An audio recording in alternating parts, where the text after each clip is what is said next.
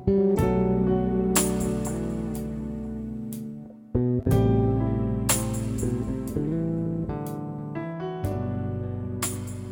teman-teman, balik lagi nih di Artus Balik on Podcast episode 6 Nah, tadi kita udah ngobrol banyak bareng Bang Aman dari Opsi. Nah, hari ini kita juga bakal ngobrol bareng KI Koordinator dari Opsi Riau, bener gak ya? Iya, uh, Bang Nah. Aldi, uh, aku ralat ya. uh, Hmm, Posisi IP sekarang ini di Opsi Hmm. Riau itu sebagai koordinator Dewan Provinsi. hmm, Jadi, koordinator uh, iya, uh, kalau koordinator kami itu masih tetap dijabat sama Bang Rudi Ramadhani. Hmm, kalau koordinator nasional kak ya? Enggak, koordinator provinsinya. Hmm, oke oke oke untuk oke. opsi Riau-nya. Heeh. Kalau Hmm. koordinator nasional itu sama Mbak Liana. Nah, Kak Ip, tadi kita udah banyak ngobrol nih bareng Bang Aman terkait cerita-cerita teman-teman yang sudah didampingi, ditemani oleh Opsi. Nah, mungkin dari Kak Ip ada nggak sih cerita-cerita yang jarang banget didengar oleh masyarakat nih tentang teman-teman PS gitu tuh. Apa sih yang yang sering kali menjadi alasan, penyebab dasar teman-teman itu bekerja di sektor ini gitu. Mungkin boleh diceritain nih kak. Oh ya, eh, untuk ini ya eh, sebagai apa eh, alasan dia eh, memilih memilih pekerjaan sebagai pekerja seks gitu. Jadi eh, banyak banyak dari teman-teman PS di Pekanbaru itu tidak sama semuanya. Eh, Ketika kita berkunjung dan kita survei itu dengan beberapa asesmen ke mereka, kenapa sih eh, memilih pekerjaan ini eh, sebagai pekerjaan mereka dan banyak juga kita temuin jawaban dari mereka. Eh, secara garis besar kita kita ambil eh, mereka menjadi seorang pekerja seks itu karena yang pertama tuntutan ekonomi. Yang kedua basic pendidikan mereka yang meng- eh, yang menyebabkan mereka tidak tidak bisa mendapatkan pekerjaan seperti yang eh, seperti di perusahaan atau di bidang jasa lainnya gitu. Jadi basic pendidikan juga eh, basic pendidikan juga itu menjadi salah satu faktor penyebab gitu. Terus eh, mungkin ada beberapa yang memang tadinya atau di awalnya mereka itu adalah korban trafficking. Oh iya. Namun- Iya. Namun eh, kita perlu garis bawahin walaupun mereka di awal itu sebagai korban trafficking tetapi seiring berjalannya waktu mereka sangat eh, istilahnya menikmati juga gitu. Jadi eh, sebagai pekerja seks itu bukan hanya fokus di korban trafficking saja. Ketika mereka sudah turun, ya mereka eh, sudah bisa beradaptasi bahwasannya ya ini pekerjaan saya gitu. Hmm. Dan Itu dan sih eh, kalau dari hasil analisa kami di lapangan gitu, ketika kami menjumpai teman-teman PS di lapangan itu ya sebagian besar itu oke kak. Kak, Wa- walaupun ya istilahnya iya. walaupun ada beberapa beberapa jawaban mereka atau alasan mereka eh, seperti eh, gaya hidup atau atau bahkan mungkin di kalangan kampus atau PNS itu ada juga ya memang mereka eh, melakukan ini karena satu dan lain hal gitu. Nah kak, kalau misalnya dalam konteks trafficking, aku kan baru beberapa waktu yang lalu itu baca laporan dari Expat Nepal kan, dan aku baca beberapa jurnal yang membahas soal kasus prostitusi anak dan perempuan. Iya. Paling bermasalah adalah ketika banyak sekali korban-korban eksploitasi seksual ini berasal dari mereka-mereka yang diperdagangkan atau jadi korban human trafficking. Nah, yeah. itu kalau boleh diceritakan nggak, Kak, polanya gimana sih sampai pada akhirnya banyak teman-teman ini menjadi korban dari human trafficking? Kalau untuk yang kami temuin di lapangan, uh, istilah human trafficking itu memang ada, cuman ya itu seperti yang saya katakan tadi. Di awal mungkin ya korban trafficking, tetapi uh, setelah menjalani istilahnya kisaran beberapa waktu kemudian, ternyata mereka memang mengiyakan bahwasannya uh, ya inilah pekerjaan saya gitu. Ya mungkin di awal uh, dia sebagai korban, tetapi setelah menjalaninya ya mereka merasa nyaman gitu. Hmm. Kalau kasus trafficking yang pernah sebenarnya eh, bukan bukan sahnya kasus trafficking yang kita pernah jumpain gitu. Dampak dari eh, dia sebagai korban trafficking dan sekarang dia sudah menikmati eh, akan pekerjaannya itu yang sering kami kami dapati sekarang ini. Nah, kalau untuk korban trafficking itu kita pernah join bareng Dinas Pemberdayaan Perempuan dan Anak Kota Pekanbaru. Uh, itu uh, mereka pernah uh, ada ada sharing ke kami gitu uh, bahwasannya mereka nggak bisa untuk menguak uh, kasus ini mungkin uh, ketika yang berbicara antar sesama komunitas pekerja seks mereka bisa terbuka gitu. Dan uh, memang waktu itu ya seperti itu. Yang seperti yang saya bilang uh, di awal mungkin memang dia sebagai korban. Itu. Jadi uh, prosesnya itu ya berbagai ini sih. Banyak gitu banyak banyak ininya. Apa ya? Banyak banyak jalannya gitu berbeda-beda gitu antara kasus yang satu dengan yang lainnya ada yang memang langsung eh, si anak ini langsung ke mucikarinya atau eh, dia dari penyalur eh, ada yayasan ataupun eh, dia dibawa sama seseorang atau keluarganya uh, diiming-imingin bekerja di bidang apa, ternyata sudah sampai ke tempat dia uh, dipekerjakan sebagai pekerja seks gitu.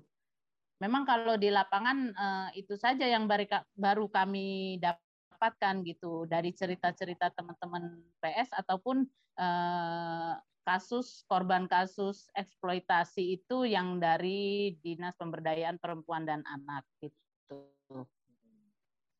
Nah, Kak, aku pernah satu kali itu uh, mengunjungi lokalisasi di Pekanbaru dalam konteks aku ingin melakukan observasi dan hmm. dan kemudian aku mendengar banyak cerita dari teman yang hidup di sekitar lokalisasi bahwa mereka sering kali menemukan kasus-kasus kekerasan terhadap para pekerja seks.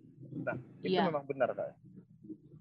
Iya, uh, banyak eh, banyak terjadi ancaman atau angka kasus kekerasan yang terjadi terhadap teman-teman PS di lapangan itu banyak.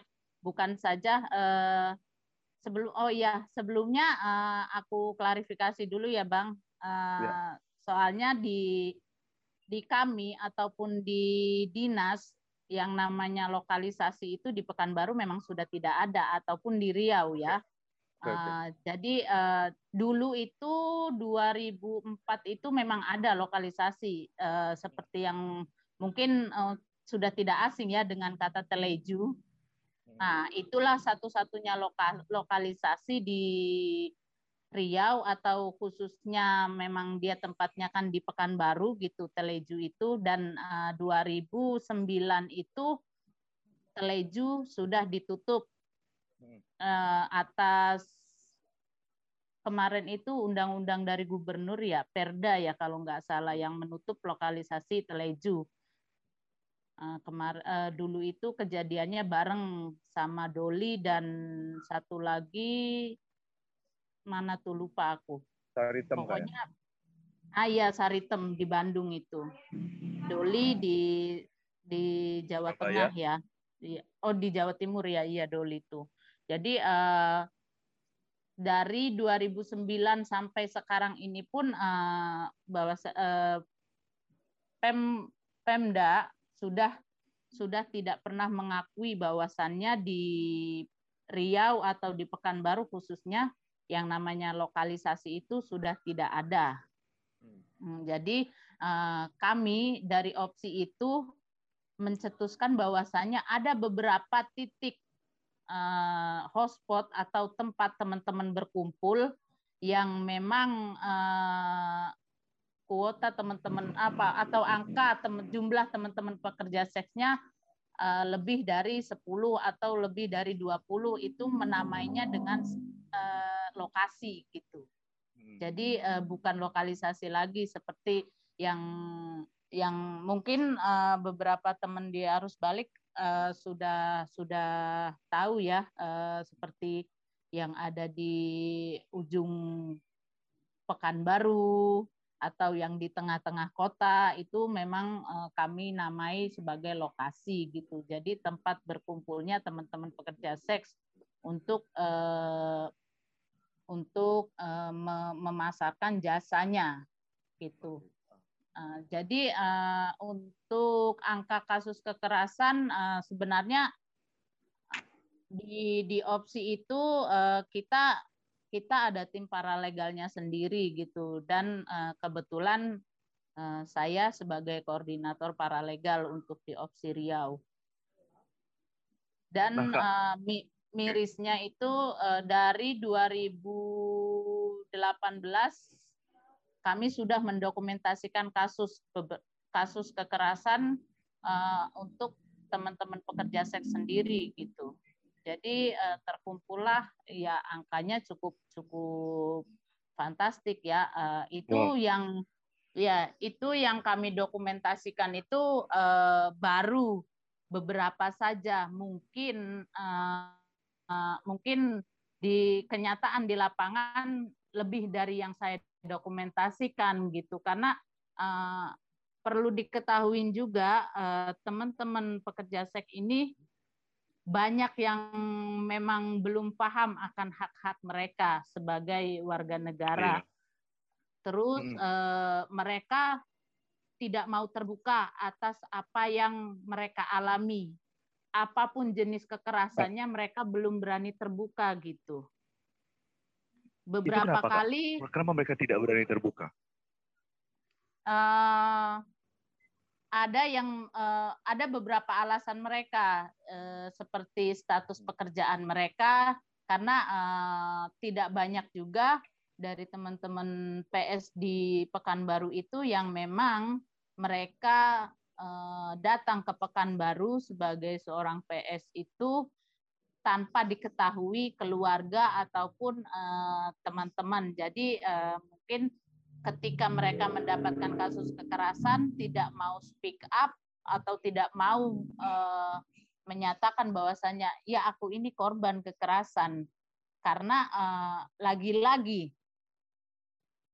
pihak hukum di Pekanbaru masih memandang sebelah mata kalau eh, kalau mendapati laporan eh, ketika di BAP sendiri mereka eh, awalnya ketika mereka datang sendiri untuk melaporkannya itu masih masih banyak yang masih gimana sih ya lebih mengintimidasi gitu. Karena uh, pekerjaan mereka sebagai pekerja seks ya iyalah katanya wajar kalau kau dapat kekerasan. Kerjaanmu kayak gitu. itu disampaikan jadi, penegak hukum.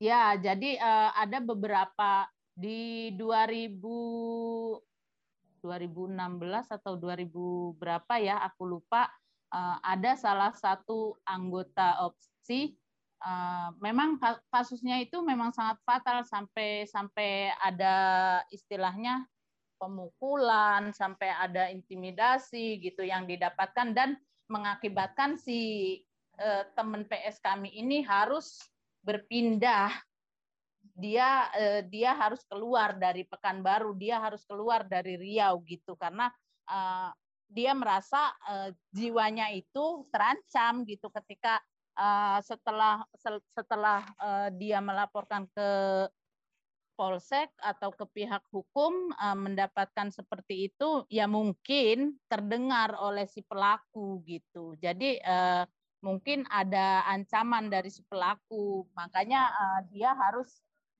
keluar dari Pekanbaru atau dari Riau. Dan uh, itu yang aku bilang uh, dulu sebelum ada paralegal masih uh, mas teman-teman PS itu enggan melaporkan apa pun kasus kekerasan yang mereka dapati dan uh, yang lain alasan mereka yang lainnya itu ketika mereka mendapatkan kasus di lapangan dan mereka mau melaporkan ke pihak yang berwajib ini lebih ke pertanyaan si pihak yang berwajibnya gitu yang harus ada inilah, harus ada itulah, harus ada anulah. Jadi mereka kesannya mereka ini kan pekerjaan penegak hukum gitu. Kok mereka nanya-nya ke kita? Yang jelas aku ini korban, aku dipukul, aku di ini, ini ini barang buktinya, ini saksinya. Untuk proses selanjutnya kan harusnya penegak hukum yang melakukan penyelidikan gitu mencari pelaku atau mencari kalau misalkan barang bukti yang dihadirkan oleh si korban belum cukup, harusnya kan pihak yang berwajib yang menyelidiki sendiri gitu. Benar. Makanya beberapa teman bukan beberapa lagi sih ya, hampir semua teman-teman PS tidak berani speak up atas kekerasan yang mereka dapati karena faktor itu. Terlalu ribet kalau bahasa gampangnya bagi mereka. Kalau harus uh, melibatkan pihak hukum. Yang pertama administrasi terkait uh, identitas. Karena perlu diketahui beberapa teman-teman PS itu uh, masih belum mendapatkan haknya untuk mendapatkan identitas. Itu. Walaupun memang terkadang uh, ketika kita uh, sosialisasikan perlunya perlunya identitas ketika kita apalagi kita yang sebagai pendatang gitu. Cuman kami sih berharap uh, Opsi Riau lagi mengadvokasi pihak Disduk Capil untuk memudahkan teman-teman PS agar bisa mendapatkan identitas layaknya warga negara Indonesia gitu. Jadi eh, tidak jarang teman-teman PS di Pekanbaru khususnya itu eh, mereka tidak punya KTP gitu. Ada yang KTP-nya hilang, ada yang mereka memang belum belum pernah uh, buat KTP karena memang uh, sebelum dia sebelum dia uh, apa merantau ke Pekanbaru memang usianya masih uh, relatif muda gitu. Jadi belum sempat urus urus KTP gitu. Walaupun mereka sudah 18 tahun gitu. Itu sih uh, Bang Haldi mungkin uh, kalau alasan uh, kenapa teman-teman PS terkendala untuk uh, menyatakan bahwa dirinya itu sebagai korban kekerasan gitu. Tapi Oke, di 2018 ke sini uh, karena kita sudah ada paralegal jadi uh, alhamdulillah sih uh, beberapa cerita sukses opsi Riau dalam mendampingi korban kekerasan sampai ke ranah pengadilan sudah ada gitu. Nah kak, mungkin agak sedikit keluar dari konteks uh, eh, PS, tapi mm -hmm. negara baru saja mengafirmasi lah dalam tanda kutip eh, teman-teman transpuan nih, karena tentu yeah. transpuan juga adalah kelompok rentan yang menjadi fokus dari opsi juga kan tadi kalau cerita Bang iya. Aman. Yeah. Nah, uh, teman-teman transpuan diafirmasi nih untuk diberikan pelayanan yang adil ketika mengurus administrasi kependudukan. Apakah itu memberikan uh, satu kepastian bagi kita Indonesia lebih ramah terhadap kelompok-kelompok rentan, terutama kelompok-kelompok rentan dalam konteks gender dan uh, seksual gitu. Gimana tuh kak? Kalau untuk teman-teman transpuan, uh, aku sih belum belum ini ya, belum sempat dengar karena ini kan baru-baru ini ya uh, negara mencetuskan bahwasanya silahkan untuk teman-teman transpuan bisa urus uh, identitas di Disduk Capil bakal dipermudah. Tetapi ada kemarin kalau nggak salah dua bulan dua bulan kemarin apa satu bulan kemarin ya teman transpuan kita ya hmm. memang masih masih di istilah kasarnya masih dipandang sebelah mata gitu dalam mengurus uh, identitas di Disduk Capil. Tapi uh, beberapa teman-teman transpuan yang memang sudah bergabung dengan opsi, uh, aku sudah sudah menguruskan terkait identitas mereka gitu. Hmm. Dan ya alhamdulillah lagi metu. Alhamdulillah uh, selagi aku masih dampingin dan aku kenalkan mereka ke orang di Capirnya ya mungkin lebih, udah udah familiar mungkin ya mereka dengan opsi Riau gitu sudah tidak asing. Jadi uh, selama ini masih bagus-bagus saja sih pelayanannya. Cuman ya itu uh, ada cerita dari salah satu teman transpuan kami ketika dia datang ke kantor Disduk Capil ya masih terkendala gitu makanya mereka ngadu bisa nggak kak bantu aku? Aku sudah ke diskut capil nih tapi eh, perlakuan mereka masih kayak gini. Ya tentu kalau ada aduan aku aku wajib lap, eh, verifikasi ke disduk capilnya kan. Eh, iya. beliau sih dari pihak disduk capil sih eh, sangat menyayangkan eh, mereka ya seperti biasa mereka minta eh, atas nama siapa oknumnya gitu yang melakukan itu ya tentu saja uh, dengan keadaan IIP yang lagi di luar Pekanbaru ini, ya IIP bilang uh, nanti Bu saya follow up lagi. Yang pasti uh, ya yang pasti kemarin ada teman transpuan kita yang uh, sedang mengurus uh, identitas di Distrik Capil masih dipersulit seperti itu. Malah hmm. Bu Kabitnya sendiri gitu yang bilang ke IIP, uh, kalau boleh Kak, biar aku uruskan atas nama siapa, kirim aja berkasnya ke sini, katanya.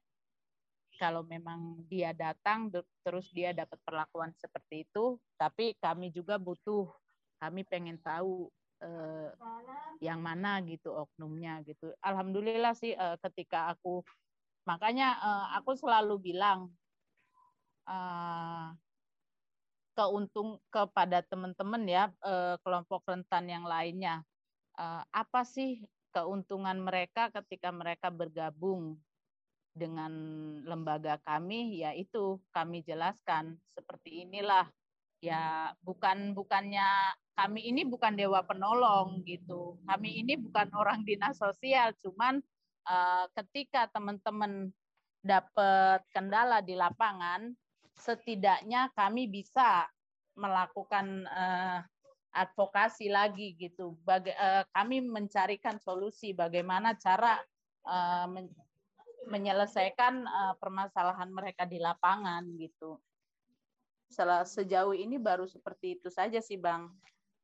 Hmm. Ya. Nah, Kak, selama opsi ya. bergerak, berdiri, tantangan hmm. apa yang sudah jadi tantangan apa yang sudah dialami oleh Seriau dan se ya mungkin aku yang bertanya sejauh apa itu pada akhirnya membuat langkah opsi Riau itu terhambat gitu tuh? Tantangan seperti apa yang membuat opsi Riau terhambat?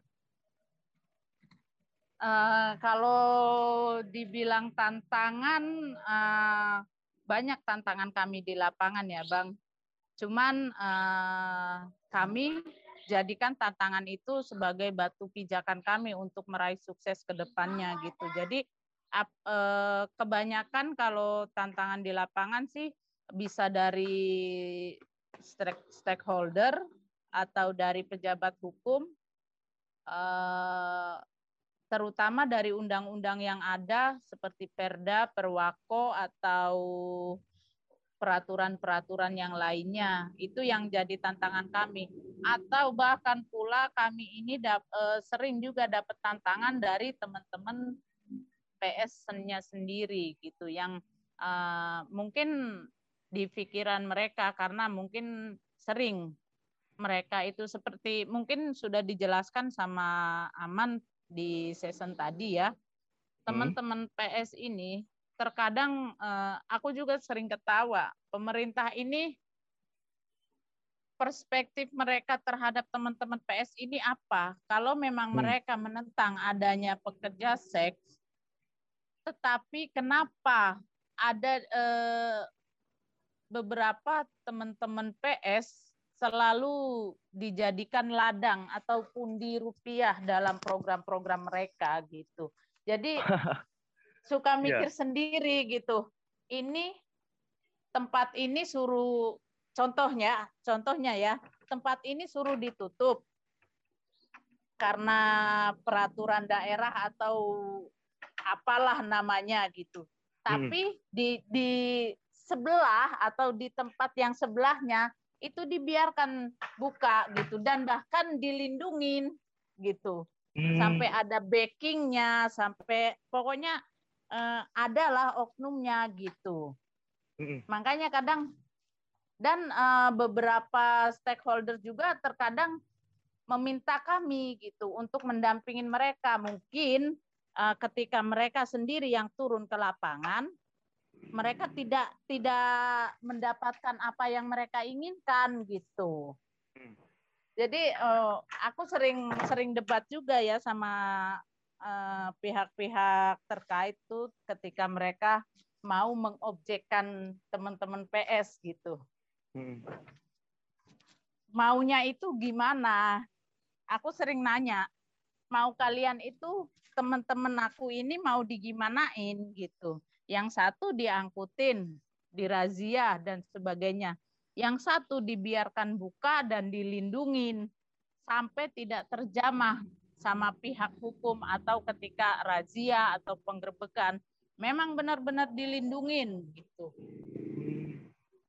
Di situ sih Bang eh, tantangan kita atau kendala-kendala di lapangan. Terkadang kami sendiri pun tidak bisa menjangkau mereka gitu, tidak bisa merangkul mereka. Eh, jangankan di di ranah hukumnya, di ranah kesehatannya pun ketika kita mau mensosialisasikan uh, program yang ada gitu kita kita mau kasih penyuluhan terkait HIV AIDS dan IMS atau ke kesehatan reproduksinya itu kami sangat susah untuk masuk ke sana karena ya pihak pihak manajemennya tidak tidak apa ya tidak memperbolehkan gitu kami masuk dengan alasan mereka sudah punya dokter pribadi, mereka sudah punya rumah sakit pribadi atau apalah itu. Tetapi pada kenyataannya ketika kami tanya ke PS-nya, mereka tidak tahu apa itu HIV. Kan miris, Bang. Sementara pekerjaan mereka itu sangat riskan gitu, rentan iya. terpapar HIV gitu. Seperti itu sih Bang kendala-kendala kami di lapangan gitu. Dan uh, ada tidak sedikit juga teman-teman PS di lapangan itu masih ngeyel gitu, masih anti lembaga atau ada uh, lembaga lain yang memang sudah membackup mereka dan uh, ketika opsi masuk mereka bilang Allah ngomongin apa sih? Uh, kami sudah ada kok yang biasa ngasih ngasih informasi ini itu segala macam masih ada masih ada sih bang. Jadi masih ada lembaga di lembaga atau organisasi atau yayasan di Pekanbaru itu masih kesannya masih one man show gitu. Jadi belum ada belum ada belum ada kerjasamanya. Padahal visi misi kita sama gitu kita masih miris sih uh, ketika kita mau gitu mau gabung dan mau join yuk kita kerjasama. Mau diarahin ke mana sih teman-teman PS ini uh, mau seperti apa? Itu masih banyak sikut-sikutannya bang. Belum belum bisa care antar satu lembaga dan lembaga yang lain gitu. Sampai uh, lembaga kita ini kan uh, di bawah di bawah pengawasan dari KPA provinsi provinsi sendiri ya KPA Riau Komisi Penanggulangan HIV/AIDS karena uh, kita selain selain uh, mungkin yang di ranah hukum untuk komunitas baru opsi ya. Yang aku tengok sih baru op, ada oh ada satu lagi teman-teman dari LSL Lembaga Suar, Suwarna Lentera gitu yang yang kita uh, fokus di hukum gitu tapi uh, di ranah kesehatan terkait HIV AIDS itu banyak lembaga di Pekanbaru ini cuman ya itu kembali lagi uh, banyak lembaga tapi ketika tidak bisa duduk dan bekerja sama itu ya percuma. Jadi eh, kalau kami sih intinya kami lakukan seperti sebagaimana visi dan misi kami gitu. Kalau memang lembaga lain ya mau care dengan kami ya monggo. Kalaupun tidak ya yang penting kami tidak mengusik mereka gitu. Tapi ketika mereka mengusik ketenangan atau Eh, hak-hak teman-teman PS ini dirampas oleh mereka, ya kami yang naik gitu. Nah, Kak, aku ada yang bertanya nih, Kak. Mm -hmm.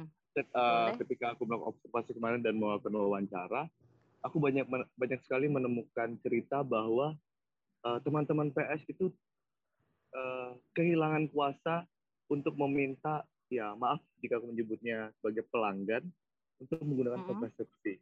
Nah, yeah. dan itu juga, juga jadi bagian dari fokus dari opsi kan untuk, untuk yeah. memastikan secara seksual teman-teman PS terjamin kesehatannya. Nah, bagaimana nih uh, opsi Riau dalam mendorong teman-teman PS memastikan pelanggannya tadi dalam tanda kutip untuk menggunakan alat kontrasepsi. Gimana tuh kak? Nah, uh, kalau kami sih biasa uh, di masa sebelum pandemi kita sering turun dan sosialisasi bagaimana sih triknya uh, agar kita bisa memakaikan pengaman ke pelanggan tanpa harus pelanggan itu tahu gitu.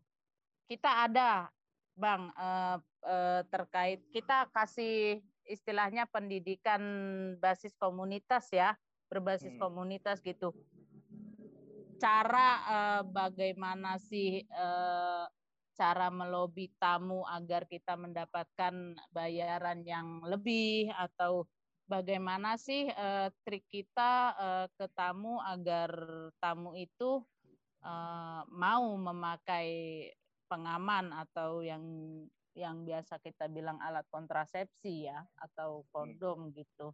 Uh, tanpa harus si tamu itu ta, uh, tahu gitu bahwasanya kita sedang memakaikan ke ke mereka gitu. Ada itu bang kalau uh, ya kembali lagi sayangnya uh, kegiatan itu sekarang kita nggak bisa lakukan karena di masa pandemi ini. Jadi uh, ada beberapa teman-teman PS di lapangan yang sudah mendapatkan uh, trik uh, cara gimana sih kita memasangkan alat kontrasepsi ke pelanggan uh, tanpa harus pelanggan itu tahu gitu.